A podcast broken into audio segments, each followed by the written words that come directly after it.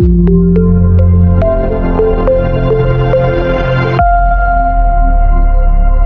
Ceturtdien atklāti 40 jauni saslimšanas ar covid-19 gadījumi un saņemti ziņojumi par sešām nāvēm. Liecina slimību profilakses un kontrolas centra apkopotie dati.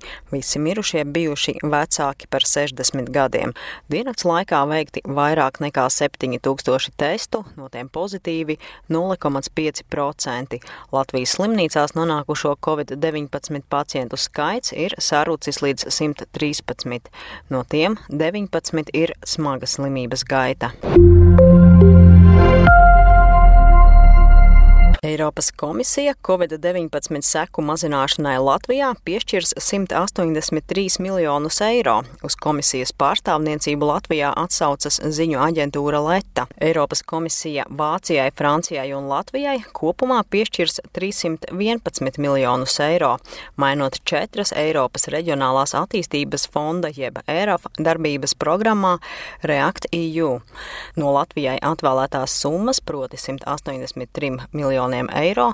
Galvenokārt nauda tiks ieguldīta daudz dzīvokļu ēku renovācijā, lai palielinātu to energoefektivitāti, veselības aprūpes sistēmas kapacitātes palielināšanai un mazo un vidējo uzņēmumu atbalstam.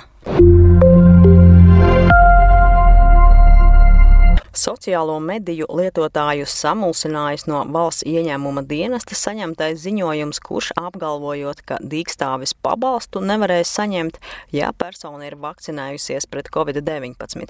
Taču ekonomikas ministrija Delfi biznes norāda, ka kritērijs nav vakcinēšanās un atgādina, ka jūnijas ir pēdējais mēnesis, kad tiks sniegti valdības noteikti pabalsti. Proti piekdienas sociālajos medijos izplatījās ziņa, ka tie, kuri iepriekš bijuši pieteikti dīkstāvis pabalstam, par jūniju to varēs saņemt tikai tad, ja iesniegs paziņojumu, ka nav vakcinējušies un izslimojuši Covid-19 pēdējā pusgada laikā. Samulsušie sociālo tīklu lietotāji bilda, ka šāda pozīcija netieši mudina cilvēkus turpināt nevakcinēties, saņemt pabalstus un iespējams sniegt pakalpojumus neoficiāli. Arī veselības ministrs Daniels Pavļuts no attīstībai par pauda pārsteigumu par šo paziņojumu mikroblogošanas vietnē Twitter citēju ļoti dīvaini. Ceru, ka pārpratums, jo tā nevajadzētu būt, ka atbalsta sistēma atalgo nevakcinēšanos. Gumiju lācīšu jeb vācu saldumu ražotājs Haribo paziņojis, ka līdzīgi kā citi pārtikas ražotāji un industrijā strādājošie saskaras ar virkni dažādu problēmu, ko ir izraisījusi Covid-19 pandēmija. Proti gan saldumu ražotājiem, gan citām kompānijām Lielbritānijā iztrūkst kravas automašīnu vadītāji, kas varētu piegādāt gan izēvielas, gan produktus. Britu raidorganizācija BBC vēsta, ka tas iezīmē būtisku nozares krīzi. Par nozari atbildīgā asociācija ziņojusi, ka valstī iztrūkst apmēram 60 tūkstoši autovadītāju. Pandēmijai plosoties drošības apsvērumu vārdā nenotika apmēram 30 tūkstoši kravas auto vadīšanas testu.